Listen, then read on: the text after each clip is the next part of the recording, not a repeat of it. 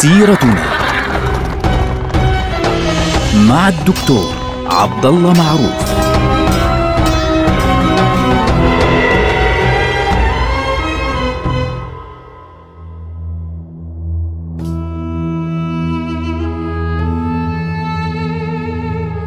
السلام عليكم ورحمة الله وبركاته. سيرتنا سيرة هذه الأمة العظيمة ونحن الآن في عهد الدولة العثمانية وتحديدا في عهد السلطان سليم الثالث.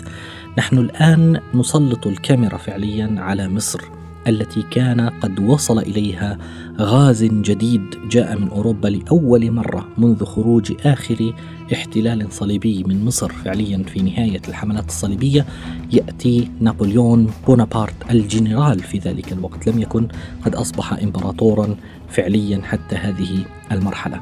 وصل نابليون بونابرت إلى الإسكندرية يوم الأول من شهر يوليو اللي هو شهر سبعة. آه، في عام 1798 طبعا الأخبار ستصل لاحقا إلى الدولة العثمانية لكن يعني إلى الاستانة لكن حتى الآن لم تصل الأخبار. آه، طريف أنه نابليون بونابرت عندما وصل إلى الإسكندرية يعني كتب بيانا إلى سكان الإسكندرية كان فيه يعني معلومات غريبة يعني بروباغندا واضحة. منها مثلا أنه قال إنني أحترم الله وأحترم نبيه وأحترم القرآن الكريم أكثر من المماليك اللي هم يقصد العثمانيين طبعا. ويعني ذكر في بيانه أنه يعني يطلب من أهل مصر أن يخبروا الجميع أن الفرنسيين هم أصدقاء حقيقيون للمسلمين على اعتبار أنه هو الذي دمر فرسان مالطا. لاحظ فرسان مالطا مرتبطون في الذهن الإسلامي في ذلك الوقت بفرسان القديس يوحنا اللي هم أصلا إيش؟ مجموعة من الفرسان الإسبيتارية الصليبيين. وبالتالي يعني هو اعتبر إنه دخوله إلى مالطا مساندة فعليا ومسانده لصورته وللبروباغندا الذي كان التي كان يحاول إنه يعطيها لأهل مصر. وبالتالي قدم هذه البروباغندا في هذا البيان الطويل. البيان على فكرة مذكور من فترة طويلة ويعني بإمكانك أن تقرأه في كل مكان. بعد أن نزل نابليون بونابرت في آه، الإسكندرية أمر بأن ينقل آه، الأسطول بالكامل إلى خليج موجود في مصر في قريب على الإسكندرية اللي هو بيسموه خليج أبو قير. آه، خليج أبي قير مهم جدا لأنه ستحدث عنده معركة خطيرة جدا يعني في هذه المرحلة. وبدأ يدخل مدينة الإسكندرية مع جيشه في محاولة فعليا للتوسع داخل مصر منها إلى دمياط وغيرها حتى يصل إلى آه، القاهرة. هكذا هو يعني كان يخطط في ذلك الوقت. ولكن آه، اللي بيهمنا هنا إنه في في البحر الأبيض المتوسط كان الأسطول البريطاني بقيادة نيلسون كان قد وصله الخبر بأنه الأسطول الفرنسي تحرك ووصل إلى الإسكندرية. يعني أن نابليون بونابرت تجاوزه وابتعد عنه ووصل بالفعل إلى مصر وهذا الأمر يعني أثار جنونه وبالتالي بدأ يتحرك باتجاه أيضا باتجاه الإسكندرية ووصل باتجاه أبو قير وبدأ يجهز للهجوم على الأسطول الفرنسي الموجود في أبو قير. أما نابليون بونابرت فغادر الإسكندرية بعد أن تركها تحت قيادة أحد يعني كبار قادة جيشه وهو القائد كليبر. والقائد كليبر هذا احفظوا اسمه جيدا لأن يعني قتله كانت حادثة مهمة جدا في التاريخ المصري وفي التاريخ الإسلامي في هذه المرحلة.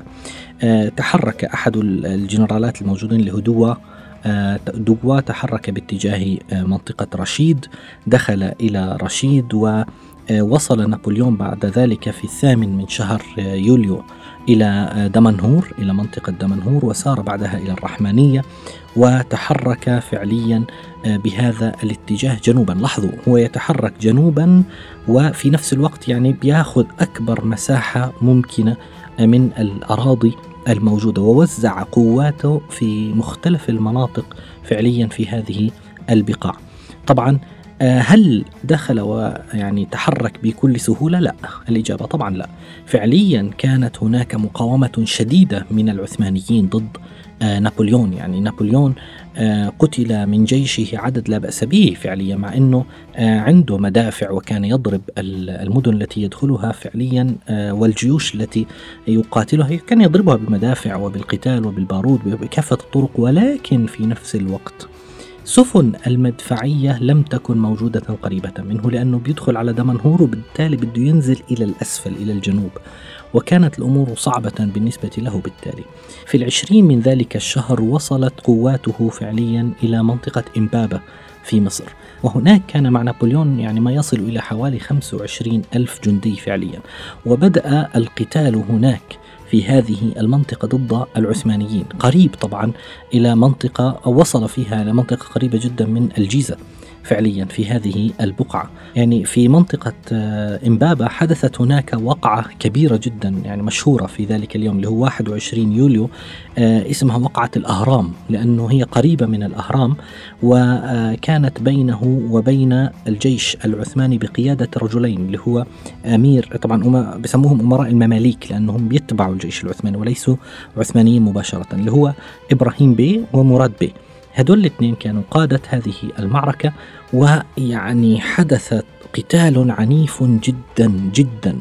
آه لكن لم يستطع المصريون والعثمانيون مواجهة هذا الجيش الفرنسي الكبير فاضطروا إلى التراجع أمام مدافع الفرنسيين التي دكهم بها نابليون بونابرت.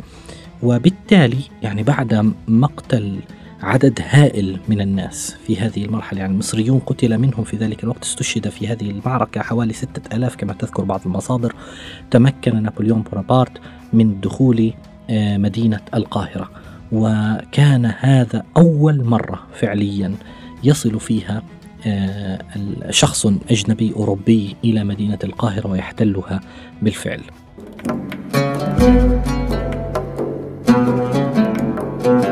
طبعا آه، إبراهيم بي ومراد بي اضطروا للانسحاب. يعني مراد بي على سبيل المثال آه، اضطر أن ينسحب حتى يعني وصل إلى منطقة الصعيد وهناك يعني انتهى أمره تماما. فبالتالي تمت السيطرة على هذه البقعة بالكامل على مصر بالكامل. بمجرد ما وصل نابليون إلى القاهرة ويعني ثبت أموره في القاهرة. طبعا إبراهيم يعني إبراهيم بي توجه إلى الشام يعني مراد باتجاه الصعيد إبراهيم باتجاه الشمال إلى آه، سوريا فعليا. وهزم آه، لاحقا طبعا إبراهيم يعني هزم لاحقا في معركة اسمها معركة الصالحية. في نفس هذا الوقت يصل خبر خطير جدا إلى نابليون بونابرت آه، أن الأسطول العسكري الذي كان موجودا في الساحل عند منطقة أبو قير قد هوجم من قبل الأسطول الإنجليزي. هذه معركة في غاية الأهمية. طبعا آه، في الأول من شهر أغسطس اللي هو شهر ثمانية في ذلك العام نيلسون اكتشف سفن الفرنسيين في خليج أبو قير في فرنسا. فالفرنسيون طبعا مجهزين حالهم على أساس إنه ممكن يهاجموا من قبل البحر لكن الناحية الأخرى محا يعني محمية من الشاطئ.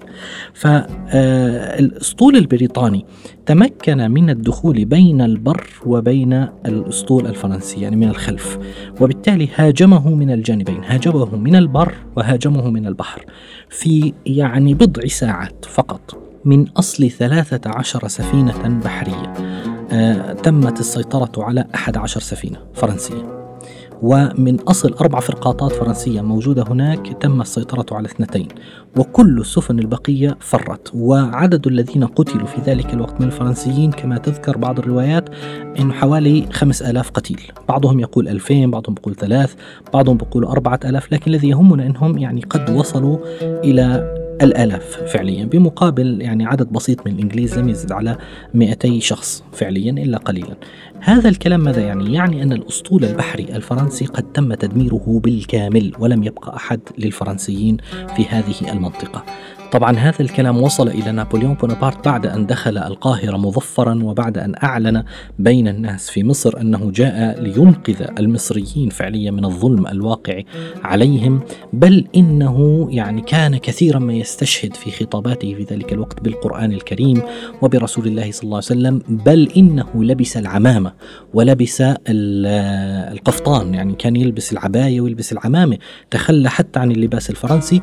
مما جعل بعض المؤرخين يعتبرون أن نابليون كان قد يعني أظهر الإسلام، بعضهم يقول ذلك، طبعا هذا ليس عندنا دليل عليه هذا الكلام، لكن الذي يهمنا أن نابليون كان رجل براغماتي، يهمه فعليا أن يظهر للناس أنه هو شخصية يعني منفتحة إن صح التعبير على كافة الأديان، وهو في هذا الوضع المريح جدا إذا به تصله أخبار أنه انقطع تماما من البحر ولم يعد له أسطول في البحر وكانت ردة فعله غريبة جدا.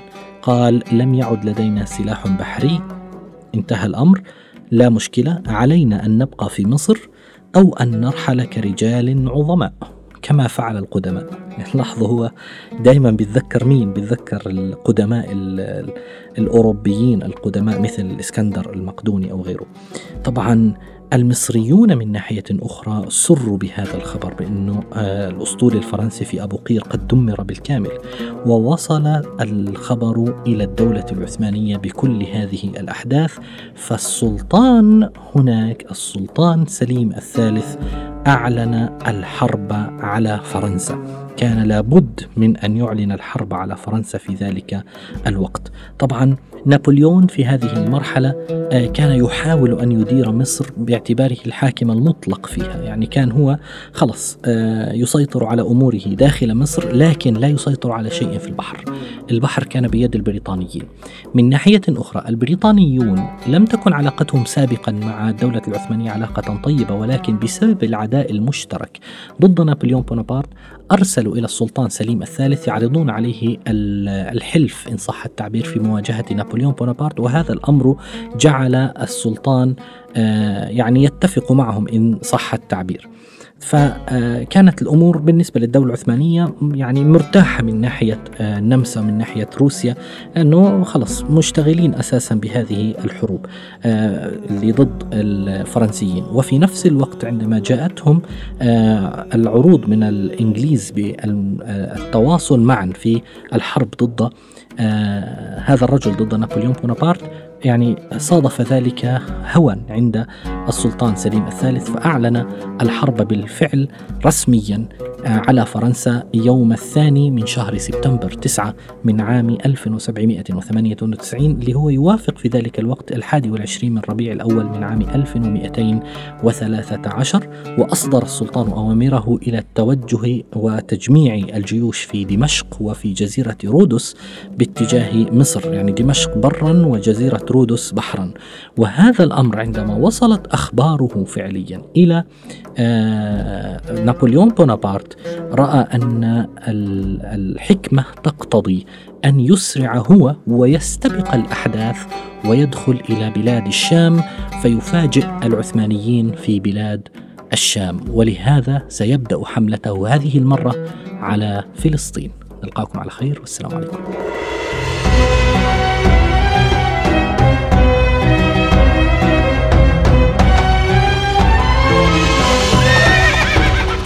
سيرتنا مع الدكتور عبد الله معروف.